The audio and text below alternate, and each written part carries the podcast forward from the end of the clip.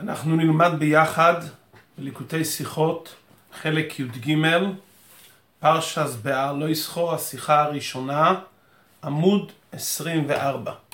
השיחה הזו, הרב אמר אותה שבוע לאחר מלחמת ששת הימים, ובאמת לפי התוכן הפנימי של השיחה, הן בפשט והן בפנימיות התורה בעבודת השם, רואים שהרבי דיבר גם על המצב הרוחני שקשור עם המלחמה שהייתה אז.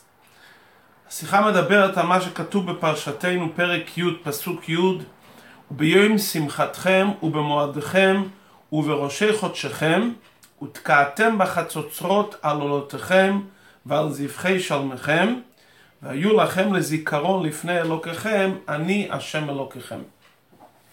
התורה אומרת שביום שמחה במועד או בראש חודש צריכים לתקוע בחצוצרות על העולה יחד עם עולה ועם זבחי שלמים וזה יהיה לזיכרון לפני השם. רש"י על המילים על עולותיכם מפרש ואומר בקורבן ציבור הכתוב מדבר. על איזה עולה מדובר כאן? לא עולה של יחיד, אלא עולה שמביא עם הציבור. שואל הרבה, דיוק, מדוע רש"י אומר הכתוב מדבר? בקורבן ציבור, אנחנו מדברים הרי על הפסוק הזה, מדוע רש"י מוסיף את המילים הכתוב מדבר?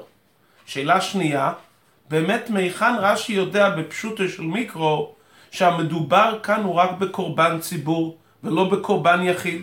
אולי גם בקורבן שזה עולת יחיד, שהיחיד מביא קורבן עולה, גם צריכים לתקוע בחצוצרות. ישנם מפרשים שמבארים שההכרח של רש"י שמדובר כאן על קורבן ציבור ולא על קורבן יחיד, מזה שהגמרא לומדת היקש מתחילת הפסוק להמשכו. בהמשך הפסוק כתוב ועל זבחי שלמיכם, הגמרא מביאה ראיה שהכוונה זבחי שלמיכם זה שלמים של ציבור ולא שלמים של יחיד. ואם כן, כמו שהגמרא והספרי לומדים ששלמים זה שלמים של ציבור, על דרך זה גם עולה, זה דווקא עולה שהציבור הביאו. אם רש"י מתכוון להיקש וללימוד שיש בגמרא ובספרי, רש"י היה צריך לרמז ולכתוב כדאיתא בספרי, או על כל פנים לשון דומה שנדע שהוא מסתמך על ההיקש והלימוד שמקישים ומשווים את השלמים שהכוונה בפסוק לשלמי ציבור וכן הוא גם בעולה שהכוונה לציבור. דיוק נוסף, רש"י אומר הכתוב מדבר, כלומר שהפסוק מדבר על זה, הוא לא אומר שלומדים היקש מחלק אחד של הפסוק על חלק שני, הוא אומר הפסוק מדבר על קורבן ציבור, זה הקטע הראשון ברש"י. בפרק ב' הרב ממשיך לקטע השני ברש"י, אני השם אלוהיכיכם, אומר רש"י, מכאן למדנו מלכויות עם זיכרונות ושופרות. שנאמר, ותקעתם הרי שופרות, לזיכרון הרי זיכרונות, אני השם אלוקיכם זה מלכויות. גם ברש"י הזה, שהוא הרש"י שבא בהמשך, שואל הרבי כמה דיוקים. רש"י דרכו במקראות לפרש פשוטו של מקרא. הוא לא מביא את דרשת חז"ל רק במקום שזה נוגע להבנת פשטות הכתובים. מדוע רש"י מוציא כאן את הדברים מפשוטם? לתקוע ולהיזכר לפני השם, ורש"י אומר מכאן לומדים דין, שמה שאומרים מלכויות, זיכרונות ושופרות. זה להוציא את הפסוק לכאורה מפשוטו של מקרא. הרי בפסוק כתוב בפירוש, ותקעתם והיו לכם לזיכרון, בפשטות לתקוע בחצוצרות, שעל ידי זה יהיו נזכרים לפני השם. ורש"י לכאורה לומד כאן את הדין שאומרים פסוקי שופרות, זיכרונות ומלכויות. ומהיכן רש"י לומד את זה? מזה שכתוב אני השם אלוקיכם. רש"י כבר לימד בפרשת וארא שהיכן שנאמר אני השם זה בא ללמד אותנו שנאמר לשלם שכר טוב. רש"י כותב שם בפירוש, בלשון הזה נדרש בכמה מקומות. כלומר, היכן שכתוב אני השם במקראות, הכוונה לומר נאמן לשלם שכר. מדוע רש"י צריך להביא כאן לימוד הלכתי מכאן למדנו מלכויות עם זיכרונות ושופרות. זאת אומרת, הוא לא לומד איך שהוא לומד בכל מקום, והוא מפרש את זה גם לא, לא לפי כפשוטו. הוא אומר, מכאן למדנו, יש לנו לימוד מיוחד, שהכוונה כאן היא לא כבכל המקומות, שאני השם זה לשלם שכר, כאן אני השם זה לימוד מיוחד, מלכויות, זיכרונות ושופרות. ובכלל, רש"י מבאר גם מה זה הותקעתם, שופרות, גם מה זה זיכרונות וגם מה זה מלכויות. בדיבור המתחיל הוא מביא רק את המילים אני השם. והוא לא מפרש ותקעתם שופרות ונזכרתם לפני השם זיכרונות. הוא מכליל את הכל ב"אני השם". ואם יש כאן איזה דרשה שהיא דרש, וזה לא הכרח בפשוטו של מקרא, או שזה הכרח על פי דרש, רש"י היה צריך לומר רבותינו דרשו וכיוצא בזה. ובסיום דברי רש"י, אני השם אלוקיכם זו מלכויות, רש"י אומר וכולי. למה הוא מתכוון וכולי. מעניין מאוד שבפרשת אמור, שמדובר בנוגע לראש השנה, שם נאמר בפסוק זיכרון תרועה, רש"י אומר מה לומדים מזיכרון תרועה? פסוקי זיכרונות, פסוקי שופרות. כאן רש"י אומר זיכרונות שופרות ולא מזכיר פסוקי זיכרונות, פסוקי שופרות. אם כן יש כאן הבדל בין דברי רש"י בפרשתנו לדברי רש"י בפרשת אמור, את הרש"י של פרשת אמור הרבי הסביר גם באותה התוועדות ואת זה כבר למדנו בליקוטי שיחות חלק י"ב בשיחה לפרשת אמור. עד כאן הדיוקים שהרבי שואל בסעיפים הראשונים של השיחה. סעיף ד' מבאר הרבה שכל זה יובן בהקדים תמיהה נוספת. רש"י הרי מבאר כל דבר שהוא סתום בפשוטו של מקרא. כאן, תחילת הפסוק נאמר, וביום שמחתכם, ובמועדיכם. מתי זה יום שמחתכם? רש"י לא מבאר, מה הכוונה? על איזה יום מדובר? אי אפשר לפרש הכוונה על ימי המועדים לשמחה, כי כתוב בפירוש בהמשך ובמועדכם. אז על מה מתכוון הפסוק שאומר שצריכים לתקוע בחצוצרות ולהריע בזמן של יום שמחה? על איזה יום שמחה? הפסוק אומר, וביום שמחתכם ובו"ב החיבור, ובמועדיכם. על מה הוא מתכוון ביום שמחה? ורש"י לא מביא על זה דבר. על כורכך שזה מובן היטב בפשוטו של מקרא. בספרי נאמר, וביום שמחתכם אלו השבתות. שהכוונה לומר שבשבת צריכים לתקוע בחצוצרות על עולותיכם ועל זבחי שלמכם. אם זה כוונת רש"י, שביום שמחתכם בכתוב כאן הכוונה לשבתות, רש"י היה צריך לומר את זה בפירוש. דבר שני, ידוע ששבת אין זה עניין השמחה כמו ביום טוב.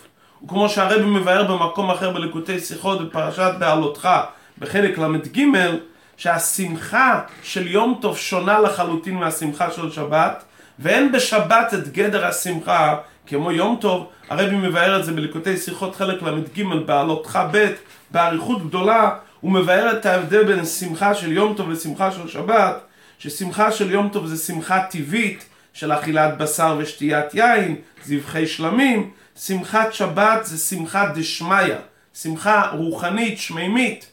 אם כן, רש"י בכלל לא סובר שהשמחה של שבת והשמחה של יום טוב שווים, ואם רש"י היה רוצה לומר שהכוונה כאן, כדברי הספרי, שביום שמחתכם הכוונה לומר שמחה בשבת, שבת נקראת יום שמחה, ואז צריכים לתקוע בחצוצרות וכולי, רש"י היה צריך לפרש את זה. גם על דבר ההלכה אנחנו רואים משולחן ערוך אדמו"ר הזקן, שעיקר העניין של שבת זה כבוד ועונג, ולא עניין השמחה, על כל פנים בוודאי לא שמחה כביום טוב. רש"י לא מבאר בזה כלום. מה מבין הבן חמש למקרא, על מה מתכוונים וביום שמחתכם? לומר שהכוונה על שמחה פרטית של איש פרטי, כבר אמרנו שהפסוק מדבר בקורבן ציבור, אז אין הכוונה לומר יום שמחה של איש פרטי. הביאור בזה בפשטות. הפסוק הזה בא בהמשך לפסוק שלפניו. על מה נאמר בפסוק שלפניו? וכי תבואו מלחמה בארצכם על הצער הצורר אתכם. והראותם בחצוצרות ונזכרתם לפני השם אלוקיכם ונושעתם מאויביכם. פסוק לאחרי זה מיד נאמר, וביום שמחתכם בו"ו החיבור. כלומר שהפסוק הוא ביום שמחתכם בא בהמשך לפסוק שלפני זה. שהכוונה בפשטות, שאחרי שבני ישראל יהיו במלחמה, והם יריעו במלחמה, ויהיה להם זיכרון לפני השם, והקדוש ברוך הוא יושיע אותם. הם יעשו יום של שמחה לאחר ניצחון המלחמה, להודות ולהלל להשם על הישועה מידי האהובים. ואז הפסוק אומר שתדעו שמלבד זה שבשעת המלחמה צריך להיות והרותם בחצוצרות, כמו שלמדנו בפסוק שלפני זה, וכי תבואו מלחמה על הצר הצורר אתכם, והרותם בחצוצרות, תדעו שגם ביום השמחה לאחר המלחמה, לזכר ניצחון המלחמה, גם תתקעו בחצוצרות על עולותיכם ועל זבחי שלמיכם. ואם כן מובן בפשטות שהפסוק מדבר כאן על קורבן ציבור. מכיוון שכל הדברים שנאמרו לפני זה, וכל הימים שנאמרו לפני זה בכתובים, מדובר על עם ישראל באופן כללי, כי תבואו בארצכם ונושעתם. מדובר פה על כלל ישראל כולו שיצא למלחמה. ונושע, אם כן גם המשך הפסוק שנאמר בו"ו החיבור וביום שמחתכם, מדברים שהציבור שנושע מהבל... שנושע במלחמה, עליו לתקוע בחצוצרות על הקורבנות ציבור שהוא מביא. לכן רש"י אומר בקורבן ציבור הכתוב מדבר. הכתובים כאן מדברים על עניין ציבורי שקרה לעם ישראל, ואם כן ברור שגם העולות וגם השלמים שנאמרים כאן בפסוק, שבאים לאחר סיום וניצחון המלחמה, שעם ישראל עושה יום שמחה, בוודאי שמדובר כאן על קורבן ציבור. והחידוש בפסוק שגם בשעת השמחה וההודיה להשם יתברך, גם אז תוקעים בחצוצרות, מריעים בחצוצרות, גם לאחר סיום מלחמה, המלחמה, כהודיה להשם יתברך. עד כאן הביאור בחלק הראשון. בסעיף ו' ממשיך הרבה. מה זה אני השם אלוקיכם? אי אפשר לבאר שאני השם אלוקיכם שנאמר כאן בפסוק זה כמו שרש"י הביא את הכלל שבדרך כלל במקראות שכתוב אני השם, הכוונה לומר נאמן לשלם שכר. כי מפורש בכתוב כבר השכר. הרי בפסוק הקודם כתוב בפירוש שמתי שיהיו במלחמה והרעותם בחצוצרות, הפסוק אומר ונושעתם מאויביכם. כלומר הקדוש ברוך הוא כבר נתן להם שכר והושיע אותם מהאויבים בהמשך למה שהם עשו את רצון השם ובאו למלחמה והריעו בחצוצרות הם קיבלו את השכר ונושעתם אויביכם אם כן, מה החידוש בפסוק של האחרי זה? שגם מתי שיעשו יום שמחה ויתקעו בחצוצרות הקדוש ברוך הוא גם ישלם שכר הרי מפורש בפסוק שהקדוש ברוך הוא משלם שכר אחרי והרעותם בחצוצרות ונושעתם אויביכם. אז יש כבר שכר מפורש שהיה על כזה דבר של הרעותם בחצוצרות. בוודאי שגם עכשיו שהם מרעים בחצוצרות ותוקעים בחצוצרות ביום סיום המלחמה בעת השמחה, בוודאי שהקדוש ברוך הוא ישלם על זה שכר, ואין בזה שום עניין של חידוש. אם כן, יש כאן היתור לשון, מה זה אני השם אלוקיכם? אנחנו יודעים שהשם משלם שכר במקרה כזה, כי זה מפורש בפסוק. אומר רש"י, חייבים להוציא את הפסוק מהכלל הידוע שתמיד לומדים, שאני השם הכוונה לומר לשלם שכר, אלא יש פה איזה לימוד מיוחד. מכאן למדנו שמה לומדים שמלכויות זה עם זיכרונות ושופרות. שנאמר, ותקעתם הרי כתוב בפסוק בפירוש שופרות. זיכרון כתוב ונזכרתם לפני השם אלוקיכם. אם כן, בבירור שיש כאן שופרות וזיכרונות. ורש"י מתכוון לומר שאין הכוונה לומר שצריך לומר פסוקי זיכרונות או פסוקי שופרות. כי הפסוק כפשוטו מדבר על תקיעה בשופר, ועל ידי תקיעה בשופר נזכרים על הקדוש ברוך הוא, נזכרים לפני הקדוש ברוך הוא. מה הכוונה כאן אני השם? אומר רש"י, יש לנו לימוד שמתי שיש שופרות וזיכרונות, צריכים לצרף גם תוכן של מלכויות.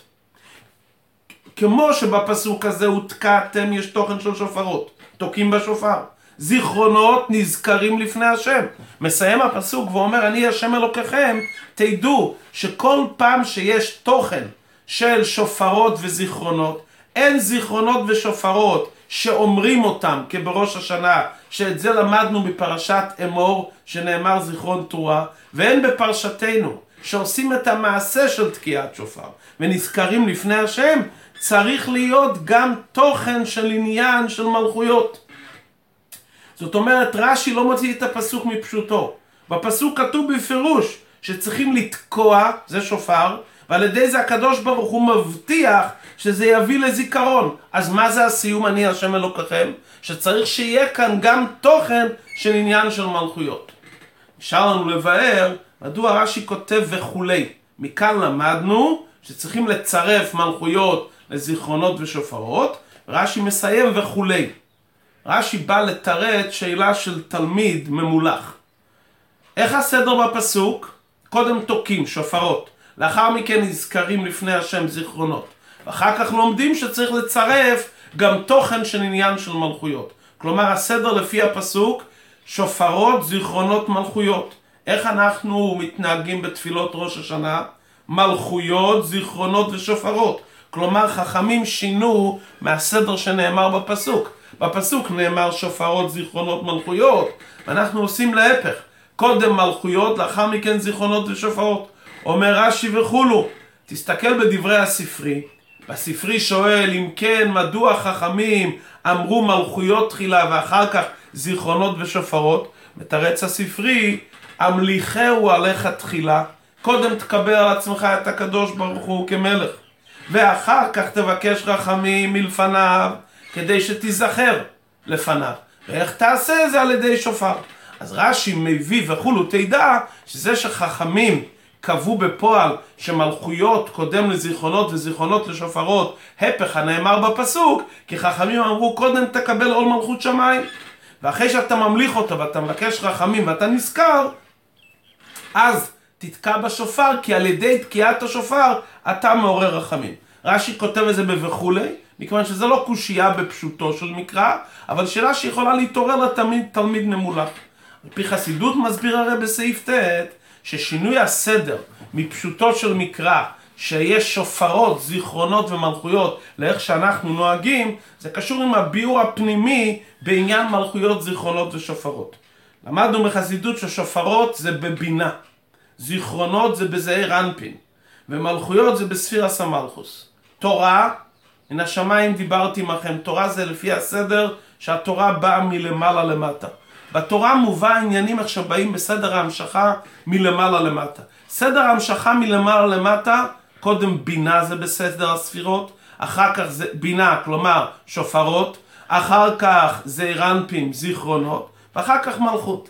אבל האדם שנמצא כאן למטה וצריך לטפס ולעלות מלמטה למעלה, אז הוא מתחיל מהדרגה הנמוכה. הוא מתחיל ממלכויי ספירס המלכוס, אחר כך זיכרונות זה רנפין, ואחר כך הוא זוכה להגיע לשופרות לעניין של בינה. זאת אומרת, סדר הפסוקים זה לפי הסדר בתורה שבכתב, לפי הסדר מלמעלה למטה, סדר הספירות, בינה זה רנפין ומלכויס. וחכמים שקבעו לאדם איך הוא מתרומם, אז הם אמרו מלכויס, ואחר כך זעיר אנפין זיכרוינס, ואחר כך שפורס בינה. בסיום השיחה הרב מדבר ביאור נפלא בעבודת השם, כפי שאמרנו, זה קשור למאורעות לכאורה שהיו אז, כי תבואו מלחמה ונושעתם לפני השם אלוקיכם, רב מבאר את הפסוק באופן מופלא בעבודת השם. יחיסובו יום מלחום מרמז על מלחמת האדם עם היצר הרע תמיד. שהוא הצר הצורר אתכם. כמו שכותב השלה, אין לנו צר צורר כמוהו. במיוחד בשעת התפילה, ששעת התפילה זה שעת צלוטה, שעת קרבה. שאז בא היצר הרע ללחום לבלבל את האדם במחשבות זהירות. מלמד אותנו הכתוב מה העצה, והרעותם בחצוצרות. הרעותם בחצוצרות זה עניין שאדם צועק בלב נשבר להשם, ביטול והכנעה. הוא מתחנן לפני השם שירחם עליו, כפי שלמדנו בתניא, הוא מבקש מהשם שיציל אותו ממים הזידונים. ושאדם צועק לקדוש ברוך הוא בלב נשבר בביטול, ונזכרתם לפני השם אלוהיכיכם ונשעתם אויביכם. זה החלק הראשון של הפסוק. יאמר האדם, נו, זה בתחילת העבודה, שהיצר היה בתוקף, הוא יצא איתי למלחמה, אבל עכשיו ברוך השם כבר ניצחתי את המלחמה, נושעתי כבר מהיצר הרע, אני כבר יכול לעבוד את השם על פי טעם ודעת, יש לי כבר תענוג בעבודת השם. האם גם עכשיו נדרש ממני ביטול והכנעה? העבודה של והרעותם בחצוצרות, שמרמז את העניין של לב נשבר, שאדם מריע, צועק לקדוש ברוך הוא, מבקש על נפשו, הוא כבר נמצא במצב שהוא עובד את השם מתוך תענוג על פי טעם ודת. מלמד אותנו הפסוק השני וביום שמחה אסכם ותקעתם בחצוצותיכם על עולותיכם ועל זבחי שלמכם. גם אחרי שניצחת את המלחמה מתי שאתה מביא קורבנות להתקרב להשם גם אז צריך להיות ותקעתם על עולותיכם ועל זבחי שלמכם גם כאן צריך להיות עניין של ביטול והכנעה. באיזה סדר? על עולותיכם ואחר כך על זבחי שלמכם קודם צריך להביא קורבן עולה שהיא קליל להשם אדם צריך להתחיל את העניין בביטול הקדוש ברוך הוא לגמרי. ולאחרי זה שלומים, מה זה שלמים? שלמים הרי חלק מהקורבן יש בזה הנאה לבעלים. ואחרי שאדם מוסר את עצמו לקדוש ברוך הוא לגמרי בביטול מוחלט, אחר כך הוא ניגש לעבודה של להתקרב לקדוש ברוך הוא גם מצד עוונה והסוגה שלו. אוי לו ושלומי עולה זה ביטול מוחלט לקדוש ברוך הוא, כל כולה להשם, ושלומי זה מתי שאדם על פי טעם ודעת רוצה גם את עצמו, כי זה רצון השם, שהדברים יחדרו גם בטעם ודעת, זה מסמל קורבן שלומי, זה שלב שני. ובאופן כללי יותר, קורבן עולה זה עבודת התפילה, שאדם עולה ומתדבק לקדוש ברוך הוא לגמרי, זה זמן התפילה. לאחר מכן שלומים זה הזמן שהרי עד חלק מהקורבן אדם אוכל לבעליו. זה העבודה כל היום שאדם מתעסק בצרכיו הגשמיים, ואז יש לו את ההוראה שכל מעשיך לשם שמיים ובכל דורך דואהו. אומר הפסוק קודם תקדים אוי לו לשלומים. אסור לאדם להתעסק בצרכיו קודם התפילה. קודם קורבן אוי לו שמרמז על תפילה, ואחר כך שלומים העבודה בתוך העולם לפרנסתו וכולו בכל דרך דאהו. רש"י מדגיש בקורבן ציבור הכוס ומדבר, לא מספיק שאדם יהיה בתפילה ובביטול לבד כיחיד, הוא צריך לכלול את עצמו עם הציבור, ודווקא בזכות תפילת הרבים, התפילה רצויה יותר לפני המקום. עד כאן השיחה המוגית. בשעה שהרבי דיבר את העניין בהתוודות, הרבי הוסיף עוד כמה דברים בעבודת השם. הרב אמר כי סובוי ומלחומו בארצכם, ארצכם הדיוק בזמן התפילה. כשאדם עוסק בצרכיו, היצר הרע לא כל כך מגיע. מתי שהאדם נעמד להתפלל, הוא רוצה לעורר את הרוצן השם, אז פתאום מגיע לו רצון לדבר דבורים בתלים. לא מתאים לו לדבר, לפעמים הוא גורם שהשני גם ידבר.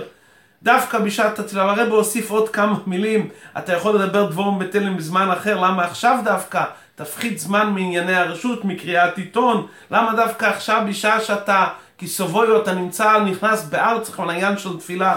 הרב העריך עוד כמה דוגמאות בעבודת השם, שהותקעתם בחצויסרס, זה תקיעה, זה מה שיהודי צועק לקדוש ברוך הוא מעומק הלב, בלי תווים של נגינה, יש פה הותקעתם, הוא תוקע, הוא צועק לקדוש ברוך הוא שיעזור לו וישמור עליו. בשעה שהוא עוסק בעבודת התפילה שלא יהיה מציאות לעצמו, אלא שיכלול עצמו, את עצמו עם הציבור. רבי הביא את הדוגמה שאדם מתפלל בדמעות שליש, הוא מכוסה בטלית, הוא, הוא רוצה להיות בטוח שכולם רואים אותו בתפילה. היה עוד כמה אותיות של אבידס השם שהרבי דיבר בשיחה הזאתי, כדאי לראות את זה בפנים, זה נמצא בהתוועדות בתרס מנחם, חלק נ'.